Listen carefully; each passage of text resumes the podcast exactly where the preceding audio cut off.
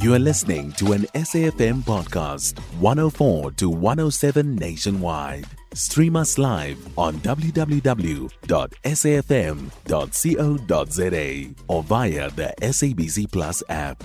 SABC News, independent and impartial. It's just a somber one, Bondiwe. We are at the family of one of the victims. Uh, we are here with a, a delegation from the city of Joburg, and we came here as media as well. I mean, to try to speak to the family. Uh, earlier on, we started in uh, Westbury uh, with the speaker, and we we've had the school principal. I mean, detailing that uh, he's running a very good school, but he's being disturbed by uh, the gang-related uh, violence that's there in that school panning out. It's something that is described as the gangs will meet uh, uh, elsewhere outside school, but then because they can't uh, reach it, reach each other out there, they will find make sure that when they take the fights out from the streets and then to the school when they meet, and which is very dangerous for them and and and, and the, the, the management there at the school. And we've had residents complaining also about uh, police visibility, saying only when uh, the cameras uh, focus there, just right like right now that we are here, there will be uh, a police saying they will be here, they will be there, there will be police visibility. You remember that the Begitele says they will send the TRT team not so long ago, mm. but now uh, immediately that uh, fades away, then it dies down,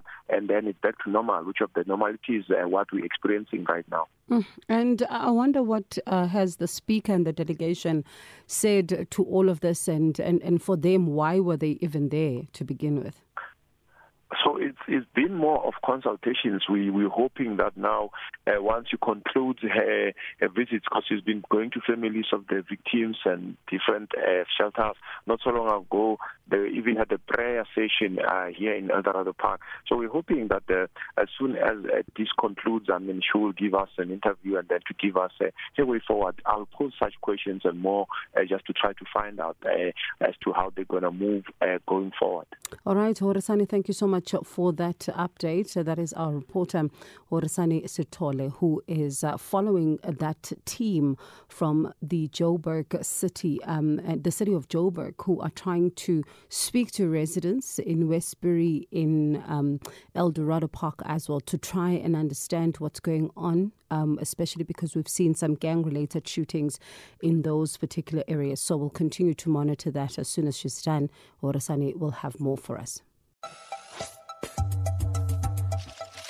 You can find SAFM Current Affairs on 104 to 107 nationwide. Our podcasts are available for download on all our digital platforms. SAFM, leading the conversation.